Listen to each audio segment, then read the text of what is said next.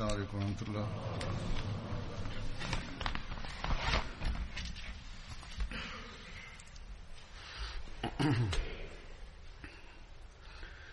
أشهد أن لا إله إلا الله. أشهد أن لا إله إلا الله.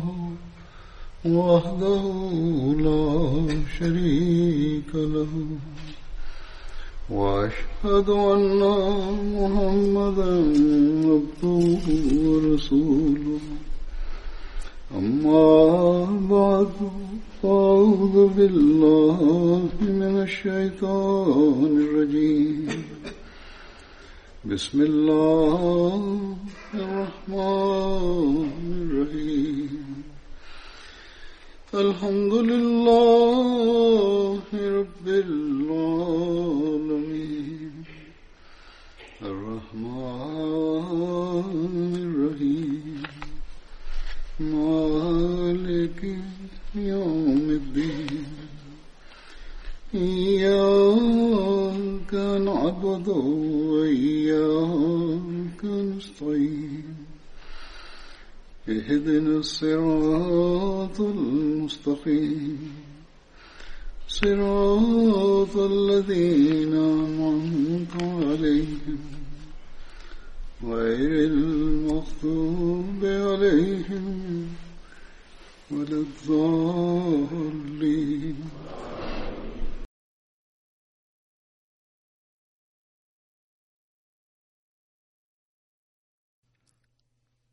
Beberapa hari yang lalu, dengan karunia Allah Ta'ala, jasa Salanah Jerman telah sampai pada penutupan, disertai dengan limpahan karunia Allah Ta'ala. Seperti yang telah saya sampaikan pada hari terakhir jalsah, dengan karunia Allah Ta'ala yang hadir di jalsah Jerman tahun ini lebih dari 40 ribu orang, kita menyaksikan kemajuan ini setiap tahun, dan ini semata-mata merupakan karunia Allah yang menurunkan anugerahnya kepada kita lebih dari upaya kita. Sembari meningkatkan rasa syukur kepada Allah Ta'ala, kita harus terus meningkatkan upaya-upaya kita sehingga karunia dan anugerah Tuhan ini terus bertambah. Ratusan non-Ahmadi dan non-Muslim yang hadir pada jalsah Jerman kemarin mengekspresikan bahwa mereka mendapatkan satu suasana yang luar biasa dan berkesan dalam jalsah. Sudah barang tentu kesan para tamu Ahmadi yang hadir juga, yakni bagaimana segenap panitia dewasa sampai anak-anak berkhidmat dengan luar biasa, bagaimana bisa dalam kumpulan orang yang begitu banyak, namun tidak terjadi kekacauan. Bagi mereka, ini merupakan suatu hal yang menakjubkan. Bahkan sebagian tamu menyatakan bahwa ini merupakan satu mukjizat. Jadi, Selain sebagai ajang tarbiyat, jalsah kita pun merupakan sarana tablik yang sangat baik. Hal ini menuntut kita untuk terus meningkatkan rasa syukur kepada Allah Ta'ala dan semoga lingkungan ini jangan hanya sementara saja, melainkan setiap detik kehidupan kita dapat menampilkan ajaran Islam yang indah melalui amalan kita. Dan semoga setiap saat kita dapat memenuhi tujuan dari bayat kepada Hadrat Masih Maud salam.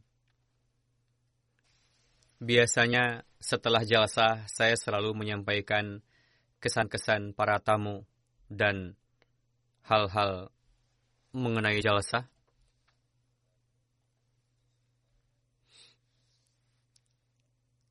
Pada hari ini pun akan saya sampaikan Namun sebelum itu, saya ingin menyampaikan ucapan terima kasih kepada segenap para panitia, pria maupun wanita, yang terlibat dalam jalsah tersebut, telah bekerja siang malam dan berusaha untuk mensukseskan jalsah dari berbagai sisi. Sekarang sedang dievaluasi, bahkan mereka masih sedang bekerja sampai saat ini. Seperti yang kita saksikan di sini, dan jemaat-jemaat besar dan mapan lainnya. Para panitia telah mengesampingkan urusan pribadinya demi untuk mewakafkan setiap detiknya untuk mengkhidmati para tamu Hadrat Masih Maud salam dan pengaturan jalsah semata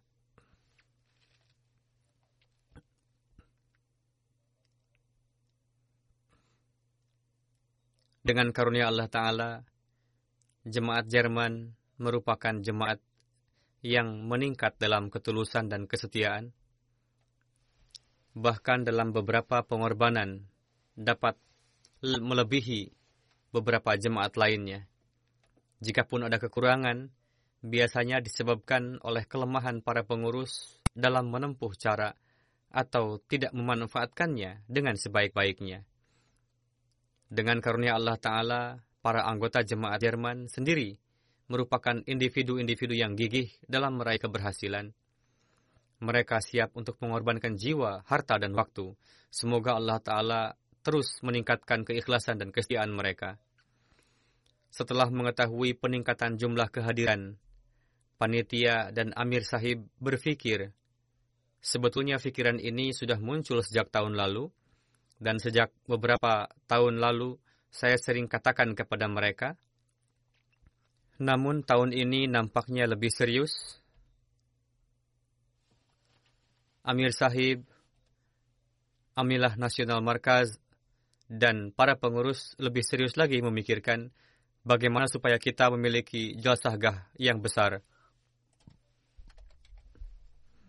Tahun ini mereka menghadapi masalah parkir dan lain-lain yang karenanya timbul masalah lalu lintas sehingga para peserta pernah merasakan kesulitan untuk mengikuti acara jalsa. Tentu saja, jika kepadatan bertambah,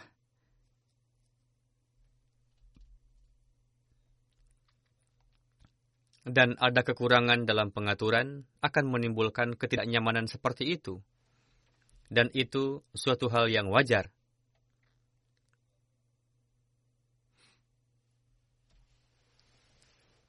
Sebagian orang yang terlambat karenanya menzahirkan kekecewaannya dan para panitia terkait gelisah dengan kondisi demikian. Namun dalam kondisi demikian pun, dengan karunia Allah Ta'ala, berkat sarana yang disediakan oleh MTA, sehingga para peserta tadi dapat menyimak dan mendengar ceramah-ceramah jalsah dalam kondisi demikian. Kondisi demikian menuntut kita untuk menyediakan fasilitas yang lebih luas lagi untuk jalsa. Begitu juga alih-alih bebas menentukan sendiri, kita terpaksa menyesuaikan tanggal jalsa dengan ketersediaan gedung.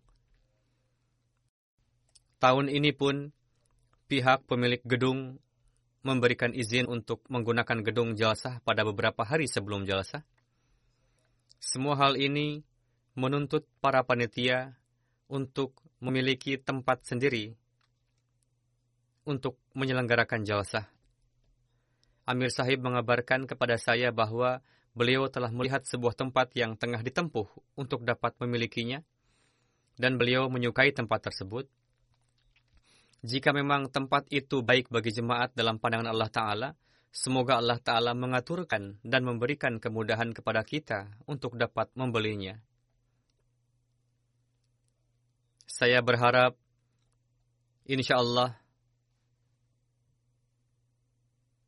dan setelah melihat keikhlasan, kesetiaan, dan semangat pengorbanan jemaat Jerman, jika memang menuntut adanya pengorbanan harta untuk itu, insya Allah Ta'ala jemaat akan berkorban harta untuk itu.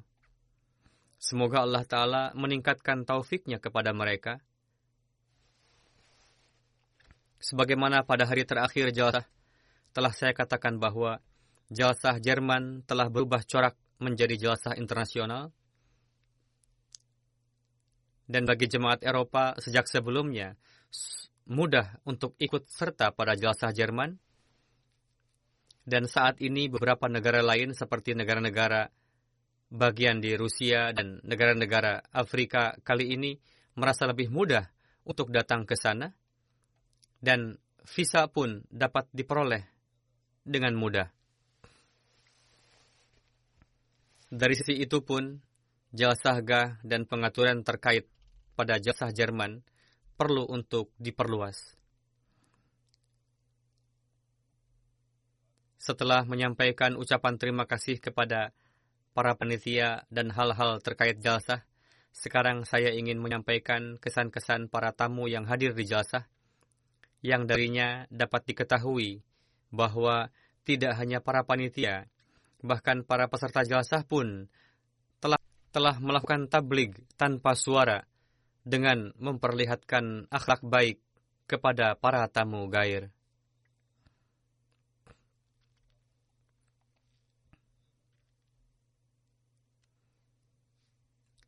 Panitia mengadakan acara khusus juga ketika jalsah yang diperuntukkan untuk tamu non-Ahmadi dan non-Muslim yang diadakan pada hari Sabtu.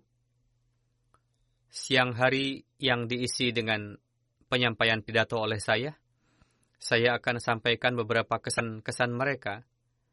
Pada waktu lainnya diadakan juga sesi tablig oleh para panitia untuk para tamu gair. Tahun ini acara tablig diikuti oleh tamu sebanyak 1179 orang.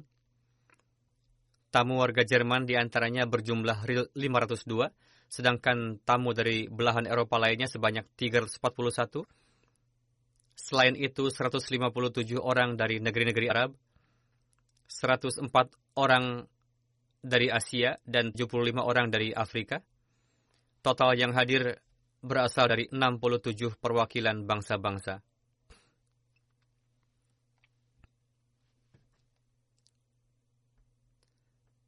Di antaranya, salah seorang bernama Mr. Henzolever, Henju, Beliau adalah seorang senior pada law firm di Frankfurt.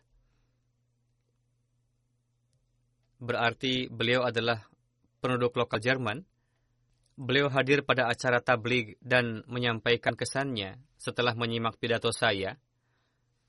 Beliau menuturkan bahwa pidato Imam Jemaat Ahmadiyah penuh dengan gelora dan memberikan pengaruh yang luar biasa bagi diri saya. Meskipun nampaknya dunia tengah dalam keadaan yang tentram dan rutinitas berjalan seperti biasanya, namun beliau mengingatkan kita untuk waspada akan kemungkinan munculnya ancaman perang, dan ini merupakan poin penting. Imam Jemaat Ahmadiyah tidak hanya menyadarkan kita akan ancaman yang dapat timbul di masa yang akan datang, bahkan seiring dengan itu mengingatkan dunia untuk waspada – Begitu pula sebagaimana beliau telah mengaitkan urusan keimigrasian dengan kesejahteraan sosial dan ekonomi negara-negara, analisa tersebut memang benar. Sebagai praktisi hukum, saya ingin menyampaikan poin ini kepada kawan-kawan dan memberikan keutamaan pada pentingnya dua pihak kesepahaman, karena pada umumnya orang-orang hanya menceritakan sisi negatif dari kedatangan para pencari suaka, namun mengesampingkan kemanfaatannya bagi negeri dan bangsa terkait padahal itu merupakan sisi yang sangat penting. Selanjutnya, Merina Pelbik Sahib Sahibah seorang ahli bidang IT pada Lufthansa Airline menuturkan Ketika menyimak pidato, saya terus-menerus memikirkan bahwa para pemuka agama lain pun biasa menyampaikan pidato dan menasihatkan dunia untuk waspada akan resiko yang dapat terjadi. Juga berbicara perihal perdamaian dunia bagi para pemimpin merupakan hot cake. Namun dalam pidato Imam Jemaat Ahmadiyah terdapat satu power yang tidak saya jumpai pada yang lainnya. Kedua, telah dilakukan penelitian secara lengkap yang mana nampak rasa simpati yang dalam dalam pidato beliau.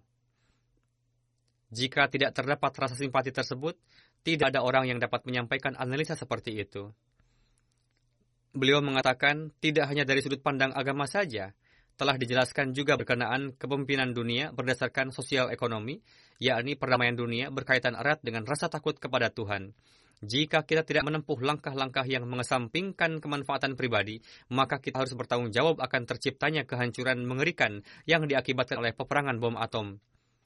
Menurut hemat saya, nasihat telah disampaikan dengan begitu lengkap sehingga jika tidak terhalang oleh rasa kebencian, peringatan ini sudah cukup untuk membuat kita merinding. Nasihat ini hendaknya sampai kepada para pembuat kebijakan karena hal ini perlu diketahui oleh level internasional demi untuk kemaslahatan umat manusia. Selanjutnya Mr. Klause dan Mr. Heide, keduanya suami istri berkebangsaan Jerman.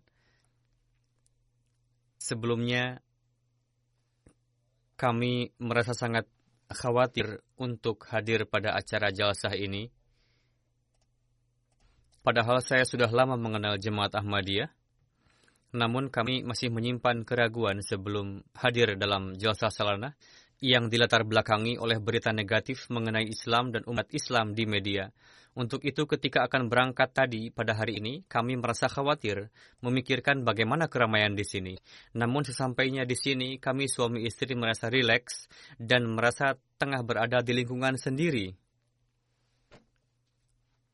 Istri beliau menuturkan,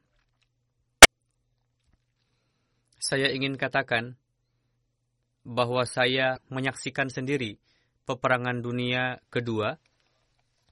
Begitu juga kemungkinan akan terjadinya kehancuran dan pemandangan mengerikan telah disampaikan oleh Imam Jemaat Ahmadiyah. Keprihatinan dan keseriusan yang disampaikan oleh beliau telah sedemikian rupa menyentuh hati orang seperti saya yang telah menyaksikan langsung peperangan dunia kedua. Untuk itu kami 100% sepakat dengan pidato beliau dan berharap semoga generasi penerus dapat mengetahui dan menyadarinya pada saat ini. Suami beliau menuturkan bahwa Imam Jemaat Ahmadiyah tentunya telah memperingatkan kita akan bahaya tersebut namun ketika menyampaikan, beliau tidak menyebut nama siapa pun, tidak juga ketika berpidato lebih condong kepada satu pihak, dan corak nasihat yang beliau sampaikan penuh dengan keprihatinan. Tidak juga dicampuri dengan suka dan tidak suka. Sedikit pun tidak dijumpai adanya kecondongan pribadi dalam pidato beliau, dan demikianlah makom seorang pemimpin organisasi keagamaan. Setelah ini, saya akan pulang dengan membawa keyakinan bahwa jemaat Ahmadiyah memiliki rasa simpati yang dalam bagi dunia.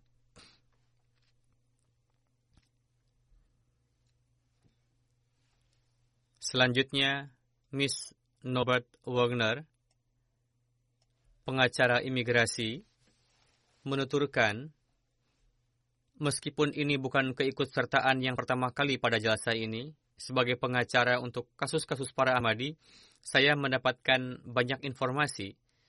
Beliau adalah pengacara untuk kasus suaka para Ahmadi, namun pidato yang disampaikan oleh Imam Jemaat pada hari ini mengandung sisi dan poin baru bagi saya. Walau saya tengah menyampaikan kesan saya, namun pernyataan ini merupakan reaksi instan yang mana dalam pidato tersebut bagi saya terdapat poin-poin penting yang diperlukan berkaitan dengan pekerjaan, dan setelah saya kembali nanti, saya akan menelaahnya kembali di rumah. Pandangan yang disampaikan oleh Imam Jemaat Ahmadiyah pada hari ini berkenaan dengan imigran dan pencari suaka akan menciptakan kesepahaman antara negara tuan rumah dan imigran dan saling menghormati. Sebagaimana secara khusus dengan bantuan statistik, beliau mengingatkan akan perlunya tenaga kerja disebabkan karena meningkatnya jumlah warga negara yang sudah lanjut usia dan pensiunan di Jerman. Dengan begitu, para pencari suaka akan mendapatkan status yang baik dan bantuan. Begitu juga rasa hormat kepada para imigran pun akan semakin meningkat. Namun, ingin saya sampaikan lagi bahwa dalam pidato Imam Jemaat Ahmadiyah terdapat banyak materi yang akan bermanfaat bagi saya dan bagi para praktisi hukum imigrasi. Dari sisi ini, secara duniawi pun akan memberikan manfaat bagi orang-orang. Selanjutnya dari Switzerland, seorang wanita bernama Leza Sahibah menuturkan, saya bekerja untuk satu lembaga dan kami bekerja untuk meraih perdamaian. Setelah menyimak pidato hari ini, nampak kepada saya kedamaian dan kedamaian dalam setiap kata yang disampaikan. Dalam setiap kata yang nampak kepada saya adalah ketabahan dan menghargai kemanusiaan. Jika Anda menyatukan antara perdamaian, ketabahan, dan kemanusiaan, maka Anda akan dapat membentuk satu masyarakat yang indah. Apa pun yang beliau sampaikan dalam pidatonya, kesemuanya untuk kemanfaatan kami. Yang paling berkesan adalah setelah menjelaskan segala perkara, beliau menyampaikan solusinya dari agama dan menerangkan bahwa solusi dari segala permasalahan itu adalah dengan mengenal Tuhan. Beliau telah membuktikan bahwa agama bukanlah masalah, melainkan solusi untuk permasalahan. Ada seorang gadis dari Jerman menuturkan, saya sangat terkesan mengetahui bahwa dalam pidato tersebut dibahas mengenai permasalahan terkini. Sebelum ini pun, para politikus telah menyampaikannya, namun dalam penyampaian mereka tidak ada bobotnya, perkara yang sepele, dan siapa pun bisa menyampaikan yang seperti itu. Namun pidato yang disampaikan oleh Imam Jemaat Ahmadiyah sangatlah berbeda. Beliau menyampaikan berkenaan dengan permasalahan sebenarnya, peperangan nuklir, mengenai perubahan lingkungan, imigrasi, dan inilah permasalahan yang umum, dan beliau juga menyampaikan solusinya.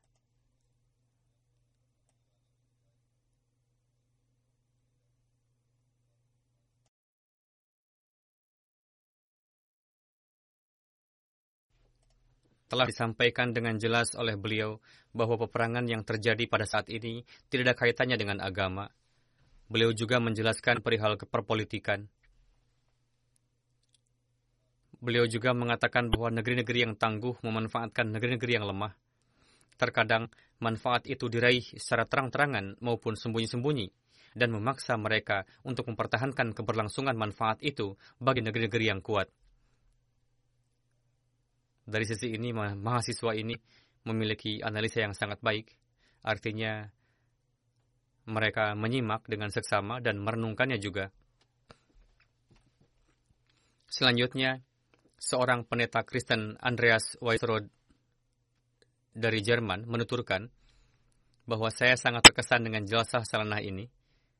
Dengan wajah-wajah ramah, dengan suasana yang bernuansa akhlak mulia ini, dan dengan persatuan dan kecintaan yang ada di dalamnya.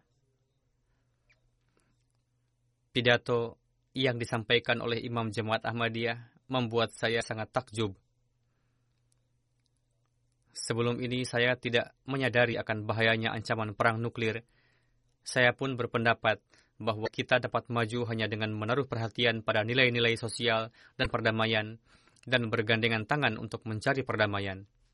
Untuk tujuan tersebut, kita memerlukan satu lingkungan masyarakat yang kokoh, yang di dalamnya kita dapat menegakkan suasana toleransi di tengah beragam keyakinan, dan dialog antar agama pun merupakan bagian penting di antaranya.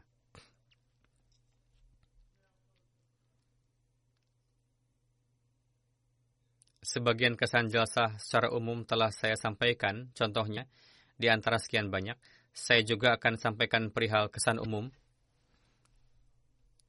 perwakilan dari Macedonia berjumlah 70 orang, di dalamnya termasuk 8 wartawan, 2 TV lokal, dan 6 TV nasional, atau berasal dari news agencies lainnya.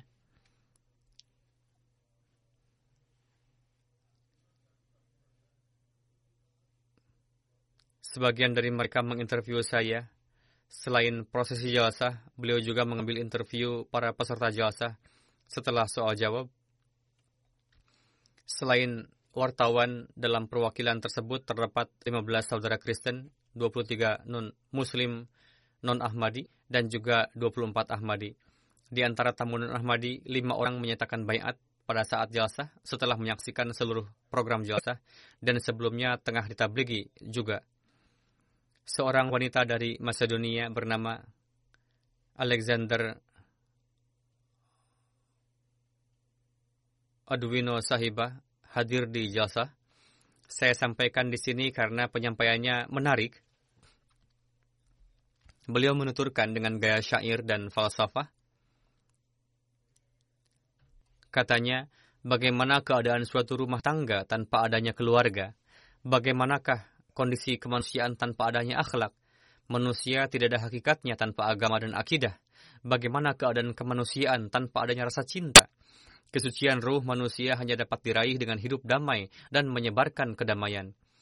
Begitu juga kesucian ruh tersembunyi di balik solidaritas dan hidup saling menghormati adalah perlu bagi manusia untuk meyakini Tuhan dan memperbaiki masa depan dunia.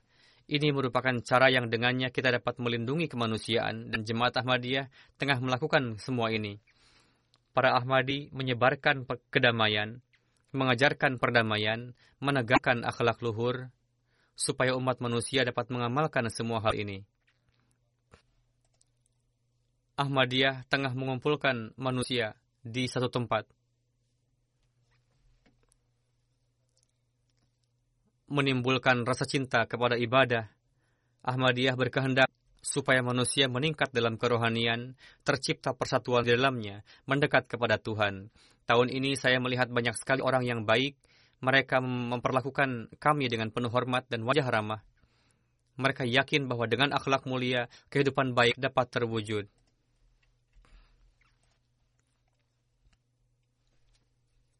Dengan gejolak rasa syukur, saya bersaksi bahwa saya telah menyaksikan orang-orang yang yakin kepada Tuhan dan keimanan mereka sangat kokoh.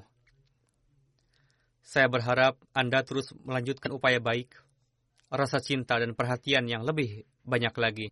Akan tiba masanya ketika orang-orang mengetahui apa tujuan dan nilai dari kehidupan. Ini adalah kesan dari Gairah Ahmadi hendaknya kesan-kesan ini mengarahkan kita bahwa semoga pada hakikatnya kita dapat mengenali tujuan hidup dan dapat meraihnya. Ada seorang wartawan TV dari Macedonia, Zorancho Urinsky Sahib, menuturkan, saya hadir di jasa ini untuk yang kedua kalinya, dan ini merupakan satu kehormatan bagi saya pengaturan jalsa sangat luar biasa. Menurut hemat saya, pengaturan jalsa tahun ini lebih baik dari tahun lalu. Saya sangat terkesan dengan pidato Anda, yakni huzur. Setiap untayan kata mengandung pelajaran bagi kemanusiaan. Ini merupakan pesan global, yakni love for all, hatred for none. Beriman kepada Tuhan dan membantu segenap manusia merupakan suatu pekerjaan yang dapat menjauhkan perbedaan di antara manusia. Jemaat Ahmadiyah mengajarkan hal-hal yang positif kepada manusia. Huzur bersabda, berkenaan dengan press conference saya, beliau mengatakan bahwa Imam Jemaat Ahmadiyah telah memberikan jawaban atas pertanyaan dari para wartawan. Beliau menyampaikan perihal penghormatan mendasar bagi kemanusiaan. Beliau mengatakan, saya juga adalah wartawan. Saya akan berusaha untuk menginterview Anda suatu hari nanti. Beliau mengatakan kepada saya, Anda menyampaikan nasihat yang baik. Saya harap orang terus bertambah yang masuk ke dalam jemaat Ahmadiyah yang akan bekerja untuk kemaslahatan umat manusia. Huzur bersabda, tengah nampak kepada dunia bahwa Islam insya Allah Ta'ala akan menyebar dengan perantaraan Ahmadiyah. Amin. Selanjutnya, Bio Mansko Sahib menuturkan, setelah memasuki kedalaman, saya dapat memahami pesan jemaat Ahmadiyah. Sebagai wartawan, saya telah meneliti ajaran serupa yang dijumpai dalam berbagai agama. Prinsip agama adalah mencintai Allah Ta'ala dan berpondasi pada kecintaan kepada umat manusia. Ini merupakan pesan yang sangat penting untuk masa ini. Dalam kecintaan ini terdapat solusi bagi berbagai permasalahan yang menggelisahkan dunia pada masa ini. Masalah besar bagi Eropa saat ini adalah meningkatnya kekuatan politikus sayap kanan yang solusinya hanya mungkin dengan dialog antara kultur berbagai agama dengan peradaban. Jika kita mencari Tuhan, kita akan mengetahui bahwa di antara kita tidak banyak perbedaan. Seberapa jauh kita dari Allah Ta'ala, sejauh itu pula lah kita akan terjauh dari kemanusiaan dan umat manusia. Era kebendaan tengah menggerogoti kehidupan ruhani dan hubungan antar sesama. Untuk itu, kita harus melindungi keluarga dan kawan-kawan kita, dan juga hubungan kita. Selanjutnya, Jani Jipo Sahib menuturkan, saya hadir di jalsa ini bersama dengan keluarga. Jalsa sangat sukses dan ini merupakan pengalaman yang luar biasa. Ketika saya mendengar pesan Ahmadiyah untuk pertama kalinya di Macedonia, saya menyadari bahwa pesan Ahmadiyah beran memberikan bimbingan positif kepada manusia. Keluarga saya telah terlebih dulu menerima pesan ini, lalu membimbing saya. Saya ucapkan terima kasih kepada Anda atas pengaturannya sehingga saya dapat hadir di jalsa. Selanjutnya, Tania Sahibah menuturkan, ini adalah kali pertama saya hadir di jalsa ini. Segala sesuatu baru bagi saya dan sangat baik. Segenap pengaturan sangat baik dari berbagai sisi, khususnya sikap para panitia sukarelawan sangat ramah. Mereka berkhidmat dengan senyuman dan memperlihatkan akhlak yang mulia.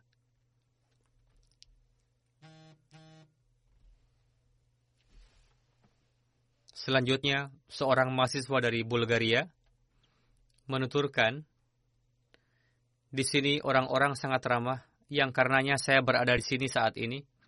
Saya menyimak prosesi bayat sebagai peng pengunjung. Saya tidak dapat menggambarkan, menggambarkan keharuan saya dengan untayan kata-kata.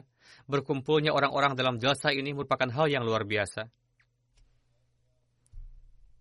Selanjutnya, perwakilan dari Bulgaria yang berjumlah 49 orang. 15 orang di antaranya Ahmadi dan 34 non-Ahmadi. Di dalamnya terdapat saudara-saudara dari Kristen. Salah satu di antaranya bernama Julia Sahibah menuturkan, saya sangat terharu setelah memikirkan bahwa saya juga hadir dalam jasa jemaat Ahmadiyah ini bersama dengan ribuan orang lainnya. Memang saya Kristen, namun saya sangat menyukai dengan pidato Imam Jemaat Ahmadiyah. Doa beliau sangat menyentuh hati. Saya juga menyukai tilawat dan terjemah yang dilantunkan. Yang patut dipuji adalah beliau membagikan penghargaan medali kepada para pelajar yang berprestasi dengan tangan beliau sendiri, lalu mendoakannya. Semoga doa beliau terkabul. Seorang tamu wanita dari Bulgaria, Kesma Almira Sahibah menuturkan, saya telah mendapatkan kesempatan untuk hadir yang ketiga kalinya pada jasa Jerman ini. Setiap tahun saya selalu dapat mempelajari hal-hal yang baru. Saya menyimak pidato-pidato dengan seksama karena saya adalah seorang psikolog dan psioterapis. Saya dapat memberikan solusi yang baik bagi permasalahan yang dihadapi pasien dengan perantaraan ajaran Jemaat Ahmadiyah yang disampaikan dalam ceramah-ceramah. Bagi diri saya sendiri pun, saya kumpulkan nasihat-nasihat yang bermanfaat dan akan saya bawa pulang. Seorang wanita Kristen dari Bulgaria, Ivan Kasahibah, menuturkan, ini adalah kali pertama saya dapat hadir di jasa Jerman ini. Setelah melihat segala sesuatu, saya merasa heran dengan hakikat. Khususnya saya sangat terkesan dengan anak-anak yang bertugas memberikan air minum kepada kami. Seorang wanita Gili Sahibah menuturkan, saya ikut serta selama tiga hari pada jasa Salana Jerman. Saya sangat terkesan dengan pengkhidmatan tamu dan pengaturan pada jasa Salana. Saya juga sangat terkesan dengan orang-orang yang berakhlak dan beriradah baik yang saya jumpai selama jasa. Tahun ini datang perwakilan dari Hungaria yang berjumlah delapan tamu dan sebelas non-Ahmadi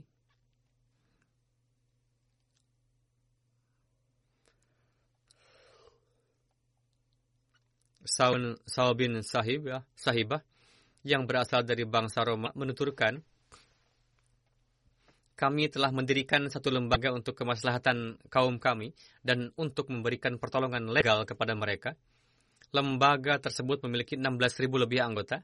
Ini adalah kali pertama saya hadir di jalsa. Saya biasa bertemu dengan beragam orang karena tuntutan pekerjaan. Saya biasa menghadiri berbagai acara. Saya hadir juga pada acara-acara orang Yahudi, umat Muslim, Kristen.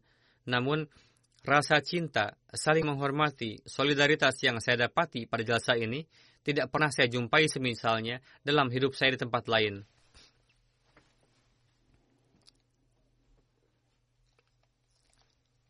Saya berterima kasih kepada Jemaat Ahmadiyah karena telah memberikan kesempatan kepada saya untuk datang sendiri ke sini dan melihat moto seperti yang dikatakan Love for all, hatred for none tengah diamalkan di sini. Ini merupakan pengalaman abadi bagi saya. Tidak dapat saya lupakan. Saya sangat terharu setelah hadir di jalsah.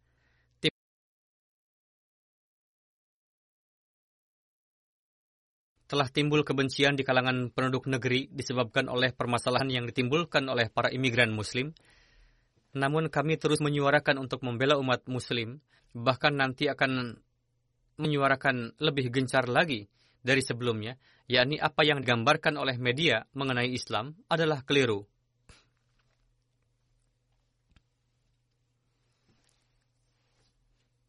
Selanjutnya, Wafa Hasan Sharmani Sahibah dari Yaman, beliau hijrah beserta dengan putra dan ibunya ke Hungaria, menuturkan bahwa beliau ikut serta juga pada jalsah tahun ini maupun tahun lalu, ketika beliau berada di jalsah Gah kaum ibu pada tahun lalu, beliau merasa nyaman.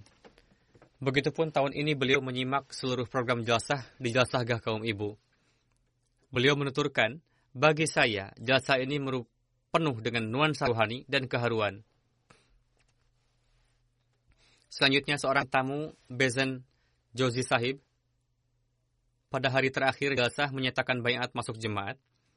Beliau menuturkan, atas hal ini saya sangat bersyukur kepada Allah Ta'ala penyebab bayatnya saya ke dalam jemaat, yakni pada beberapa tahun lalu saya dapat mulakat dengan huzur.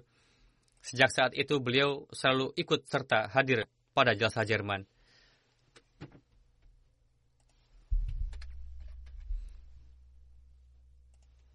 Selanjutnya,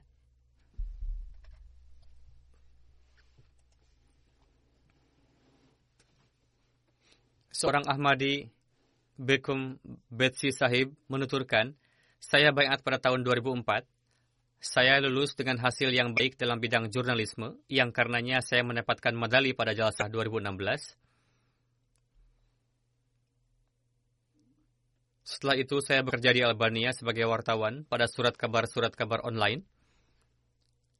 Pada tahun lalu, ketika saya mengajukan cuti untuk hadir di Jalsah Salana, tidak mendapatkan izin. Karena itu saya menyatakan keluar dari pekerjaan. Karena saya tidak mau absen dari jasa sarana. Lalu pada hari itu juga Allah Ta'ala memberikan saya pekerjaan di perusahaan media lainnya. Di mana saya mengajukan syarat kepada perusahaan supaya saya diizinkan hadir pada jasa sarana Jerman tahun ini. Lalu saya akan memulai pekerjaan sepulangnya dari sana. Dan syarat itu disetujui oleh perusahaan. Begitu juga tahun ini pun saya baru bekerja selama empat bulan di surat kabar online. Berdasarkan peraturan perusahaan, cuti tidak akan diberikan sebelum masa kerja minimal enam bulan.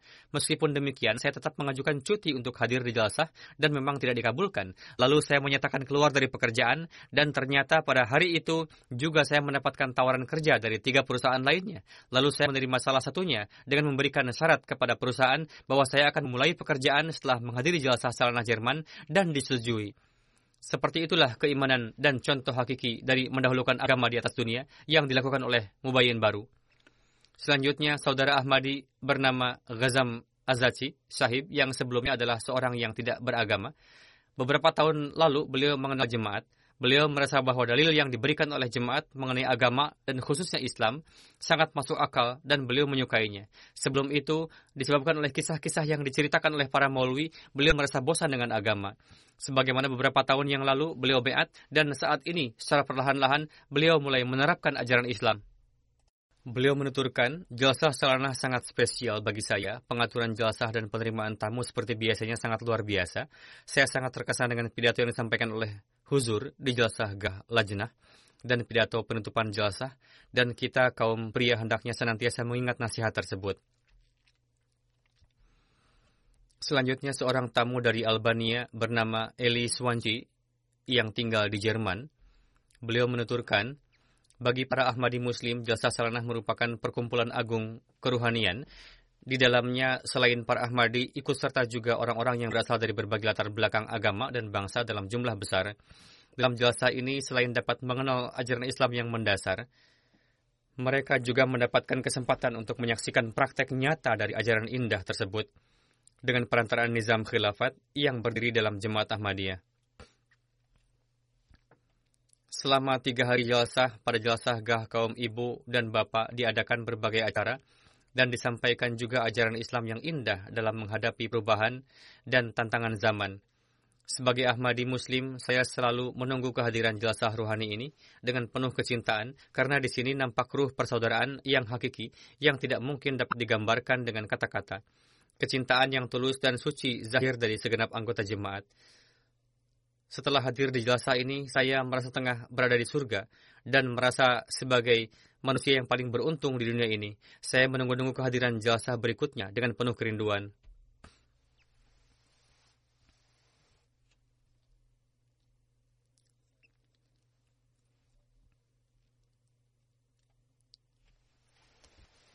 Selanjutnya perwakilan dari Georgia yang berjumlah 85 orang.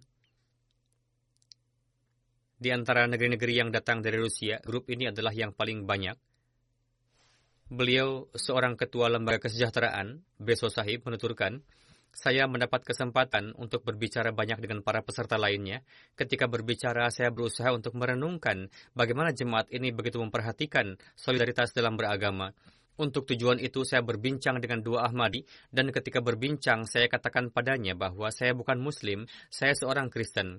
Saya mengira sikap mereka akan berubah, namun saya sangat heran sebagaimana sebelumnya para Ahmadi ini bersikap mulia, demikian pula setelah mengetahui saya Kristen pun mereka tetap memperlihatkan sikap yang sama. Mereka tidak memperlihatkan rasa antipati apa pun. Seperti itulah terkadang non-Ahmadi berusaha untuk menguji kita para Ahmadi. Di antara perwakilan dari Georgia, ada seorang mahasiswi pendidikan agama bernama Nanoka Sahibah ikut serta dalam jasa.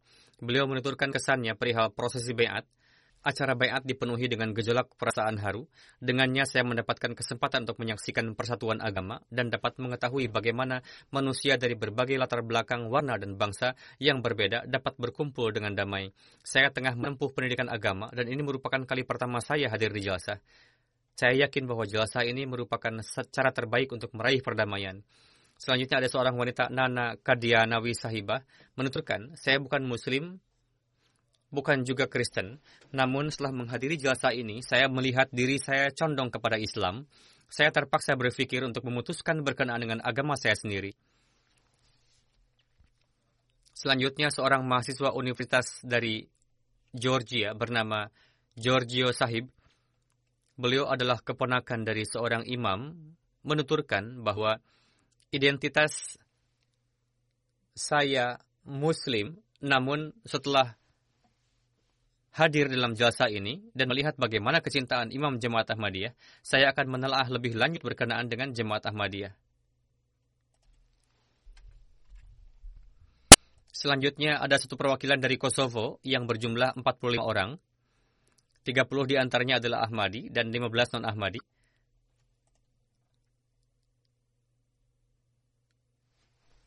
Salah seorang yang bernama Mr. Sheb, Zakarji Sahib, ikut serta hadir dalam jelasah untuk kedua kalinya. Beliau menuturkan, ketika mendapatkan kabar untuk hadir dalam jelasah, saya sangat bahagia. Namun ketika mengetahui besaran biaya untuk perjalanan ke jelasah, saya pun menjadi kebingungan. Namun perjumpaan dengan khalifah dan ikut serta dalam jelasah merupakan hasrat besar saya. Untuk itu saya menjual sapi sehingga dapat memenuhi biaya transport ke jelasah. Huzur bersabda, seperti itulah para membayin baru berusaha dan berkorban untuk dapat hadir dalam jelasah.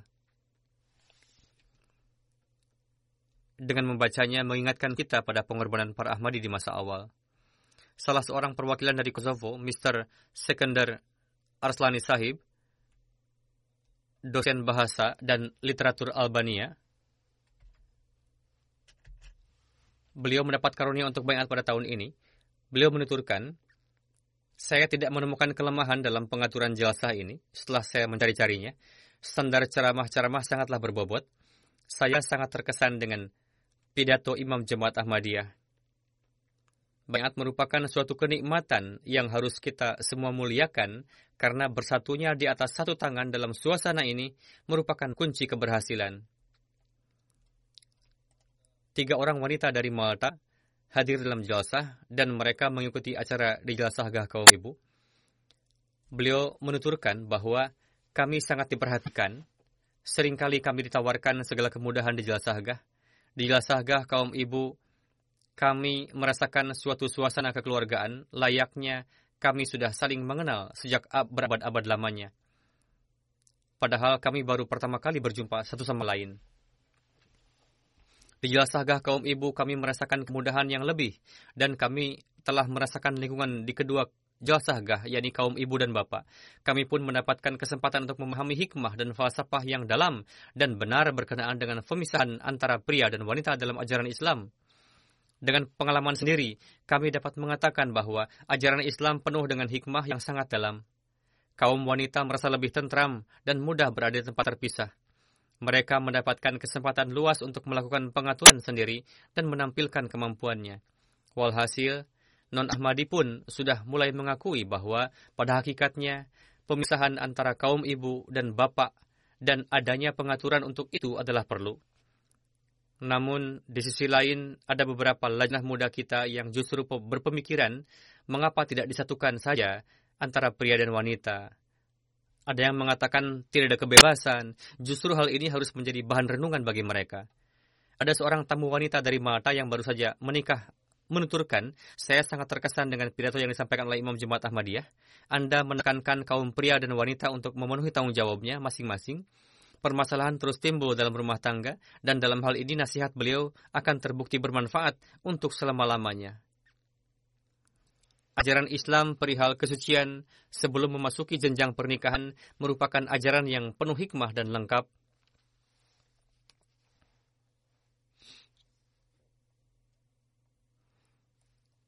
Ini adalah hal yang sangat penting.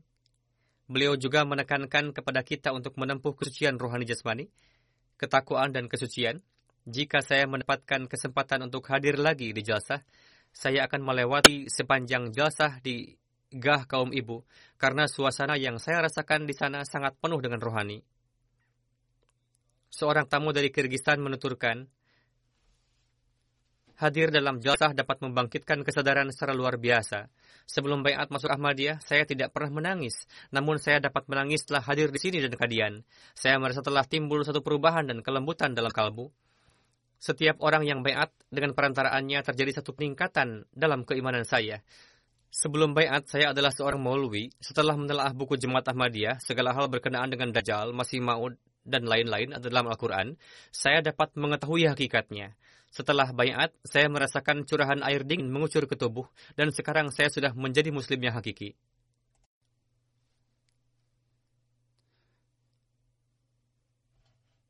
Kemudian ada seorang tamu dari Tajikistan bernama Tuan Abdul Sattar mengatakan, saya sebelumnya telah mendengar tuduhan mengenai orang-orang Ahmadi yang menyatakan bahwa Ahmadi bukanlah Islam dan menghalalkan minuman keras katanya.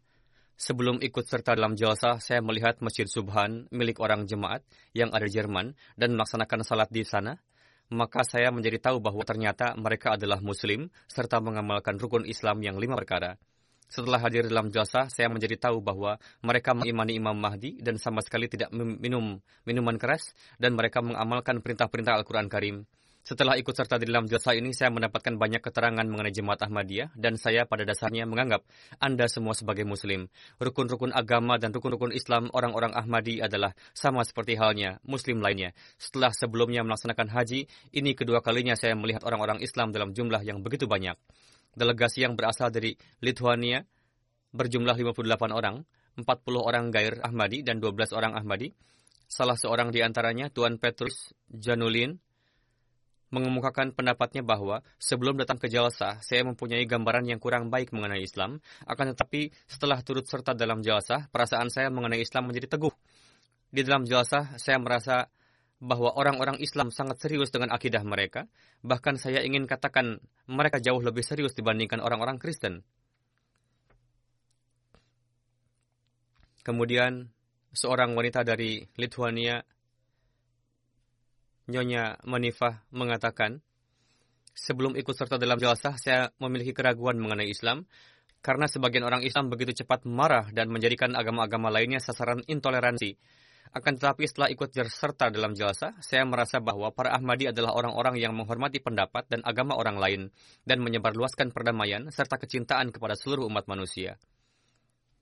Kemudian ada seorang pimpinan sebuah firma hukum dari Lithuania, Tuan Sharon mengatakan, jalsa sarana sangat penting karena di dalamnya dapat diketahui ajaran Islam yang penuh kedamaian dan persepsi yang keliru mengenai Islam menjadi hil hilang sirna.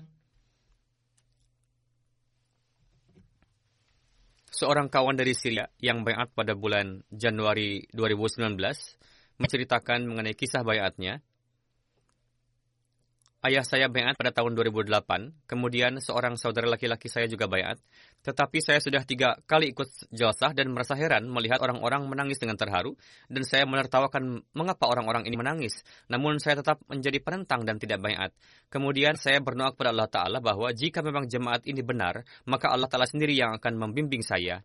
Kemudian saya melihat di dalam mimpi suatu acara semacam mulakat, orang-orang duduk di sana, saya duduk di saf pertama, semua orang bergembira. Lalu Huzur datang dan saya spontan menangis. Kemudian Huzur memanggil saya, bertanya kepada saya dengan penuh kasih sayang dan menyuruh saya duduk di dekat beliau. Saya lalu terbangun, maka saya merasa telah berlapang dada untuk bayat. Lalu saya bayat. Beliau sendiri juga menceritakan ini kepada saya dengan penuh keharuan. Demikian juga saat mulakat. Belakangan juga Ketika saya melihat ke arah beliau, beliau sangat terharu. Seorang pemuda yang datang dari Belgia, Dois Loic Balen, mengatakan, saya bayat beberapa bulan yang lalu. Ini pertama kalinya saya ikut serta dalam jalsa. Setelah ikut serta dalam jalsa, saya merasa takjub dengan suasana persaudaraan yang sangat indah, yang sebelumnya saya hanya mendengarnya saja. Sekarang, saya melihat gambarnya yang hakiki, dan saya sangat beruntung bisa turut serta dalam lingkungan rohani ini seorang tamu dari Senegal, seorang komisioner di sana, beliau menceritakan mulakatnya dengan saya. Setelah mulakat saya sangat senang dan saya sangat terkesan dengan pidato Anda mengenai cinta dan tauhid. Jika saya tidak melihat jalsah dan tidak bertemu dengan Anda, maka saya merasakan suatu penyesalan besar dalam hidup saya.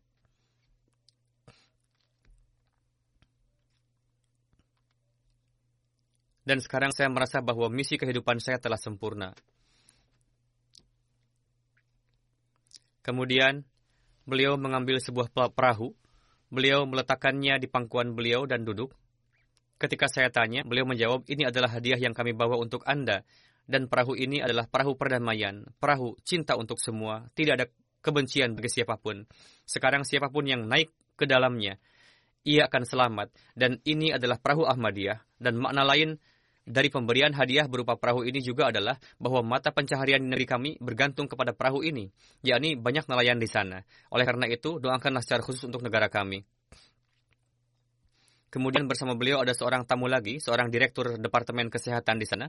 Beliau juga berterima kasih kepada saya mengenai rumah sakit dan mengatakan bahwa dengan datang di sini, beliau melihat banyak hal mengenai Islam Kemudian beliau mengatakan bahwa saya telah melihat banyak sekali negara-negara di dunia. Saya pun telah melihat pertemuan-pertemuan keagamaan dan politik. Namun sampai hari ini, sebelumnya saya tidak pernah melihat nizam dan gambaran hakiki Islam yang seperti ini. Saya tidak pernah melihat ketaatan sebagaimana yang saya lihat di dalam diri orang-orang yang hadir di sini. Saya tidak pernah melihat kecintaan kepada khalifah yang seperti ini. Saya bisa katakan dengan yakin bahwa di mana pun dunia ini tidak ada orang-orang yang mencintai pemimpin politik atau keagamaan mereka sebagaimana kecintaan orang-orang Ahmadi kepada khalifahnya yang saya lihat di sini dan saya mengakui kebenarannya.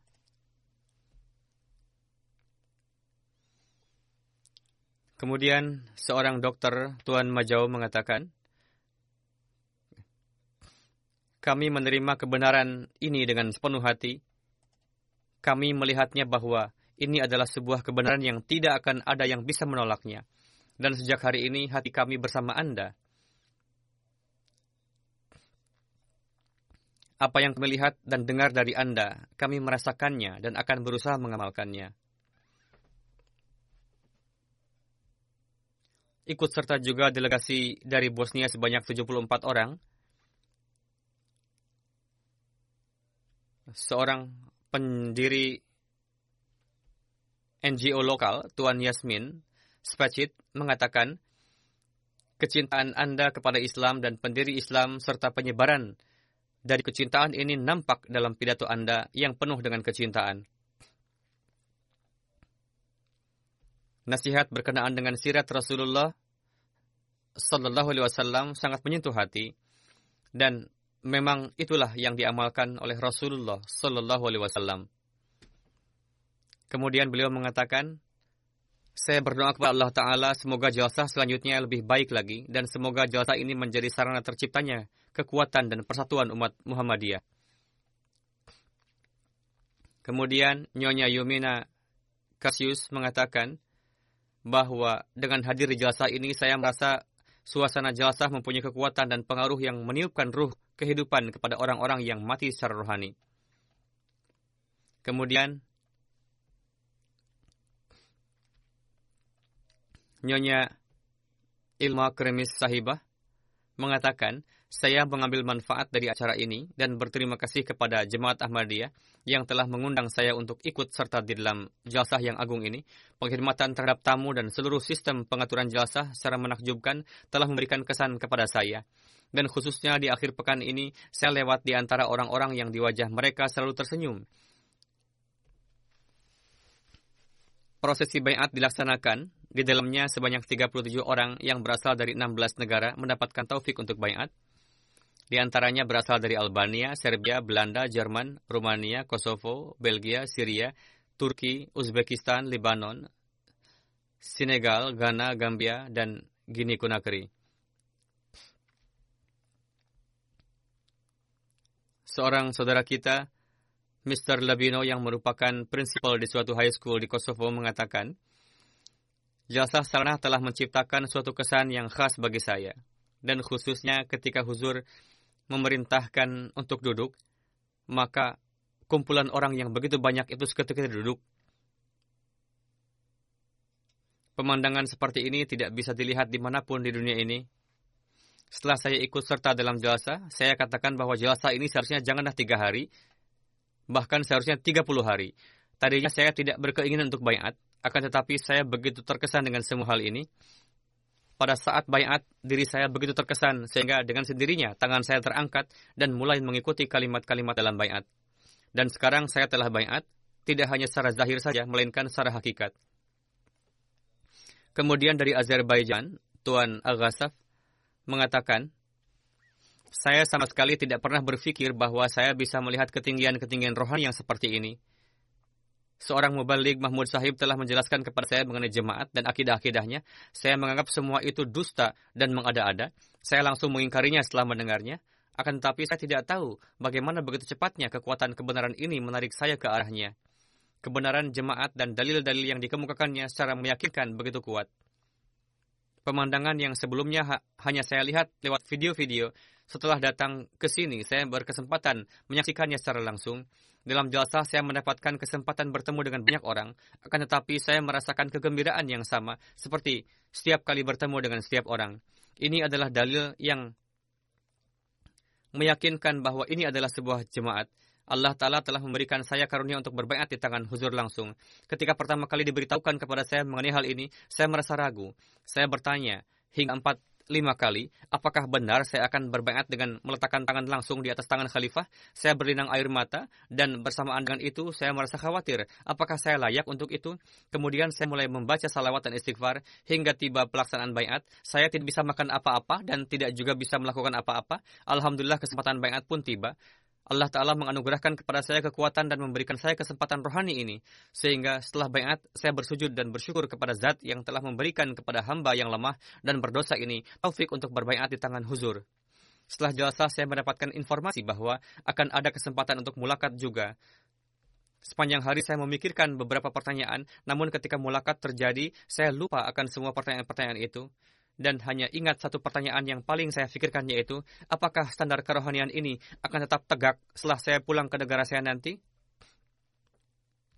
Menjawab hal ini, Huzur bersabda,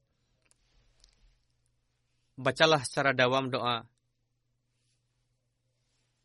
Ihdinas siratal mustaqim siratal ladhina an'amta alaihim yang ada dalam surah Al-Fatihah dan juga istighfar. Saya berjanji setelah pulang dari sini hingga jalsah yang akan datang akan selalu mengamalkan nasihat ini dan di jalsah yang akan datang saya akan memberi tahukan bahwa saya mengamalkan nasihat ini. Semoga Allah telah meningkatkan keikhlasan kesetiaan beliau. Dalam rombongan delegasi dari Kosovo, ada seorang kawan yang untuk pertama kalinya ikut serta. Beliau mengatakan, saya tidak bisa menjelaskan perasaan saya dengan kata-kata. Sejak kapan saya mempunyai keinginan untuk bertemu dengan wujud yang memikirkan seluruh dunia, dan yang dengan bertemu dengannya, semua permasalahan-permasalahan dan kesusahan-kesusahan saya teratasi. Keikutsertaan saya dalam jelasah adalah rencana Tuhan, dan setelah bayat saya, merasa seolah-olah saya dekat dengan Allah Ta'ala. Kemudian Tuan Eplum dari Albania mengatakan, saya berbayat di tangan huzur dan mendapatkan karunia masuk ke dalam jemaat. Saya sangat bersyukur kepada Allah Ta'ala karena dia telah memberikan saya taufik untuk masuk ke dalam Ahmadiyah. Saya sangat bersyukur kepada Allah Ta'ala karena setahun sebelumnya saya kosong dari keimanan dan di tahun ini Allah Ta'ala menganugerahkan khazanah keimanan. Saya dilahirkan dan dibesarkan dalam lingkungan yang betul-betul tidak beragama. Akan tetapi Allah Ta'ala telah memperindah diri saya dengan keimanan melalui perantaraan kehadiran dalam jalsah dan mulakat dengan huzur. Dr. Mahmud Muhammad Sahib mengatakan, Dua tahun yang lalu, ketika untuk pertama kalinya saya datang ke Jalsa, saya merasa heran dan bagi saya ini merupakan hal yang sama sekali baru, bahwa para Ahmadi mengatakan Imam Mahdi dan Al-Masih telah datang, sedangkan kami belum mengetahui hal tersebut terlintas beberapa pertanyaan di benak saya bahwa kami telah membaca dan mempelajari bahwa Imam Mahdi akan berasal dari Arab dan namanya adalah Muhammad bin Abdullah. Apakah jemaat ini bersifat kerohanian ataukah politik? Demikian juga beberapa pertanyaan lainnya terlintas di benak saya. Untuk mendapatkan jawaban atas pertanyaan-pertanyaan tersebut, saya datang ke Jalsah di tahun berikutnya dan berbincang dengan saudara-saudara Ahmadi mengenai berbagai macam tema. Setelah selesai jelasah, komunikasi saya dengan para Ahmadi terus berlanjut dan perlahan-lahan saya mendapatkan jawaban dari semua pertanyaan-pertanyaan saya dan saya merasa yakin bahwa hanya Ahmadilah yang di dalam dirinya memiliki semua sifat dari seorang muslim yang hakiki. Saya terkesan dengan kecintaan dan kasih sayang para orang jemaat dan berkeinginan untuk bayat. Kecintaan yang didapati dalam diri para anggota jemaat, jika Allah Ta'ala tidak menanam benihnya di dalam hati mereka, maka kecintaan ini tidak akan pernah tumbuh merupakan karunia Allah Ta'ala, saya mendapatkan kesempatan bayat di tangan khalifah dan mengikuti kalimat-kalimat bayat. Perasaan pada saat itu tidak bisa dijelaskan dengan kata-kata. Saya beruntung mendapatkan taufik bayat di tangan khalifah. Jika bayat ini berlangsung selama lima, lima jam pun, saya tidak akan merasa bosan dan tidak juga merasakan berlalunya waktu. Dalam rombongan delegasi dari Kosovo, ada seorang kawan yang untuk pertama kalinya ikut serta dan, dan seluruh keluarganya yang berjumlah lima orang mendapatkan karunia bayat. Beliau mengatakan, awalnya saya merasa khawatir untuk bayat. Bagaimanakah bayat itu? Tubuh saya menggigil karena takut. Akan tetapi kemudian setelah bayat saya merasa tenang dan merasa seperti semuanya sudah normal kembali. Kamal Lewan Sahib dari Libanon mengatakan, saya mempunyai sebuah restoran yang mana seorang teman Ahmadi biasa datang ke restoran tersebut Suatu hari ia mengatakan kepada saya, saya ingin memberitahu Anda suatu hal bahwa Imam Mahdi sudah datang dan telah wafat juga. Setelah ia pergi, saya berpikir, siapa orang ini? Kemudian beberapa waktu kemudian, teman Ahmadi itu datang lagi untuk kedua kalinya dan kembali mengatakan bahwa Imam Mahdi sudah datang. Suatu hari ia menjelaskan beberapa hal yang di antaranya adalah mengenai Dajjal dan kewafatan Nabi alaihissalam. Hati saya tertarik dan tergerak untuk mendapatkan informasi lebih lanjut mengenai jemaat. Kemudian dia memberikan saya undangan untuk datang ke jelasah yang saya terima dengan senang hati. Di dalam jelasah, hal pertama yang menjadi dalil kebenaran jemaat bagi saya adalah begitu banyaknya jumlah yang hadir dan pengaturannya yang sangat baik. Pada saat jalsah berlangsung, seorang teman memberitahukan kepada saya bahwa ini adalah Khalifatul Muslimin. Kemudian saya mengajukan berbagai pertanyaan kepada para Ahmadi yang mereka jawab dengan penuh kasih sayang. Hati saya merasa puas perihal kebenaran Ahmadiyah. Saya berpikir bahwa apakah saya bisa hidup sampai tahun depan ataukah tidak. Oleh karena itu saya harus beat. Maka saya beat. Demikian juga dua mimpi saya pun menjadi penyebab saya beat. Dengan karunia Allah Ta'ala, seorang anak laki-laki saya telah beat dan saya menginginkan anak-anak saya yang lainnya pun menjadi Ahmadi. Sekarang saya biasa menyimak Hiwalul Mubashir dan khutbah Jumat dengan seksama, dalam pandangan saya separuh syarat beat dari Hadrat Masih Maud salam bukan hanya sekedar beberapa syarat-syarat saja, melainkan pedoman dalam beramal dan yang berasal dari Allah Ta'ala. Sebelum bayat, saya terus berdoa, Ya Allah, berikanlah saya taufik untuk melihat Imam Mahdi. Saya menyesali kehidupan di masa lalu yang saya lalui tanpa jemaat.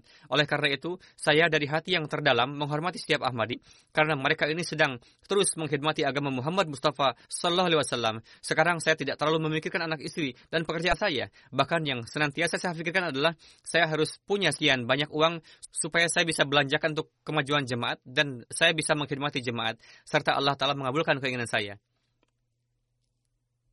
Kemudian Fawad Sahib mengatakan, Sebelum mengenal jemaat, saya merenungkan keagungan Allah Ta'ala dan melihat kondisi umat Islam yang dari hari ke hari semakin memburuk. Dan kapan kondisi mereka ini akan membaik. Kemudian ketika saya datang ke Jerman dengan melihat teman-teman Arab lainnya di Eropa, saya berpikir bahwa apakah dengan orang-orang ini Islam akan tersebar di Eropa? Sebagaimana terdapat di dalam hadis bahwa di akhir zaman Islam akan tersebar di Eropa. Pada masa itu saya bertemu dengan seorang kawan Ahmadi, Mahir Almani, dan ia mulai memberitahukan perihal jemaat. Pada awalnya saya menentangnya, akan tetapi setelah membaca buku-buku jemaat, saya berkeinginan untuk pergi ke Jelasah. Saya melihat Jelasah dan berpikir, orang sebanyak ini bagaimana mereka telah bersatu di atas satu tangan dan saling mencintai dan menyayangi satu sama lain. Di dalam tahajud saya banyak berdoa, Ya Allah, jika jemaat ini benar, maka berikanlah saya taufik untuk bayat di jasa ini. Walhasil, di jasa tersebut, hati saya mendapatkan ketentraman, lalu saya bayat. Akan tapi istri saya menolak untuk bayat. Saya menasihatinya untuk membaca buku-buku jemaat dan beristikharah, mohon petunjuk kepada Allah Ta'ala. Setelah tiga bulan istri saya beristikharah dan ia melihat di dalam mimpi, orang-orang berkumpul dan tengah-tengah mereka ada seekor merpati putih. Istri saya bertanya, merpati apa ini? Lalu salah seorang dari antara mereka menjawab, merpati ini datang ke, ke wilayah yang suci untuk menyebarkan Islam. Mimpi ini telah membukakan hati istri saya dan ia ikut serta dalam jelasah 2019 ini dan bayat. Katanya saya sangat senang Allah Ta'ala telah memberikan taufik kepada seluruh keluarga saya untuk bayat kepada Hadrat Masih Maud dan sekarang saya akan bertablik kepada semua sanak kerabat saya. Seorang tamu yang berasal dari Australia, Samir Saibah mengatakan, saya bayat pada tanggal 7 Juli pada kesempatan jelasah Jerman dan memohon doa Semoga banyak saya diberikan keberkatan. Dan jangan sampai ada suatu kesalahan saya yang merusak janji bayat ini.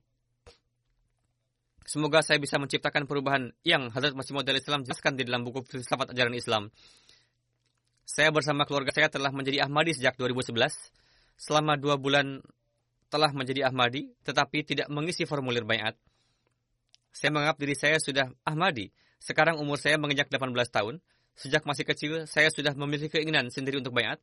Sejak 2011, saya menyimpan formulir bayat sup supaya saya bisa memberikannya sendiri dan bisa bayat langsung di tangan huzur. Lalu tahun ini keinginan tersebut dipenuhi dan sekarang ia bertablik kepada para tamu setelah sebelumnya mengisi formulir bayat. Inilah contoh bagaimana Allah Ta'ala juga membukakan hati para pemuda. Seorang wanita muda lainnya menjelaskan kesan-kesannya. Ibu saya sebelumnya telah menerima jemaat, namun saya belum siap pada saat itu. Sekarang saya sudah sejak beberapa bulan yang lalu merasa berlapang dada untuk bayat karena saya melihat kecintaan para Ahmadi satu sama lain. Dan hari ini dengan mendengarkan pidato huzur, semua kesedihan-kesedihan saya menjadi hilang.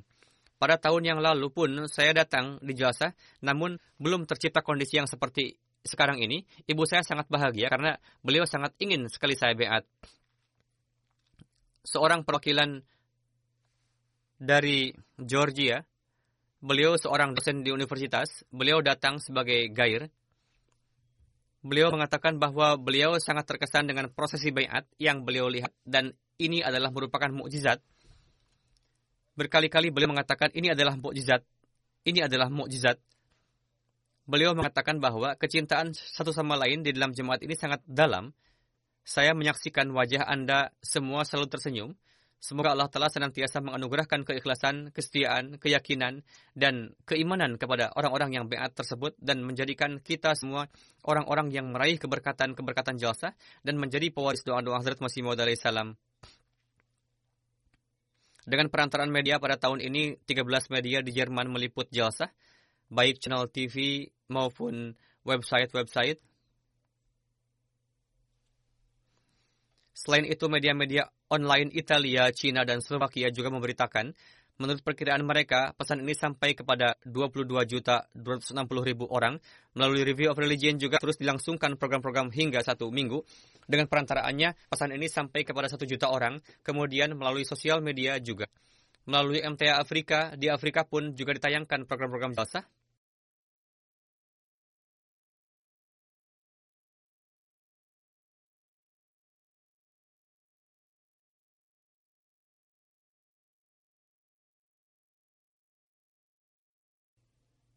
TV nasional Ghana juga menayangkan mengenai jalsah salanah Jerman. Demikian juga TV nasional Gambia, Rwanda, Sierra Leone, dan Uganda.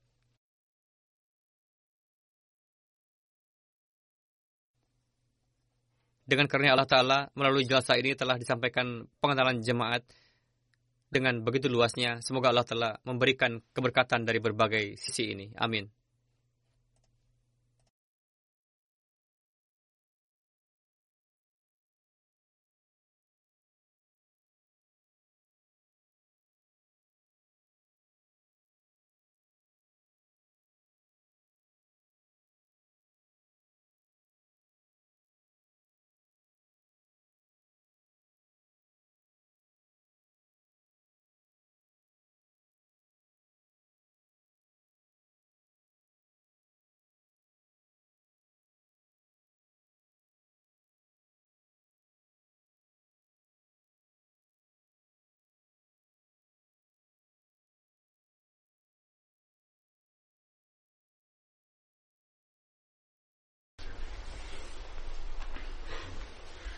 الحمد لله الحمد لله نحمده ونستعينه ونستغفره ونؤمن به ونتوكل عليه. ونعوذ بالله من شرور أنفسنا ومن سيئات أعمالنا. من يهده الله فلا مضل له ومن يضلل فلا هادي له. ونشهد أن لا إله إلا الله ونشهد أن محمدا عبده ورسوله. عباد الله رحمكم الله. إن الله يأمر بالعدل واللسان وإيتاء ذي القربى وينهى عن الفحشاء والمنكر والبغي يعظكم لعلكم تذكرون اذكروا الله يذكركم وادعوه يستجب لكم ولذكر الله أكبر.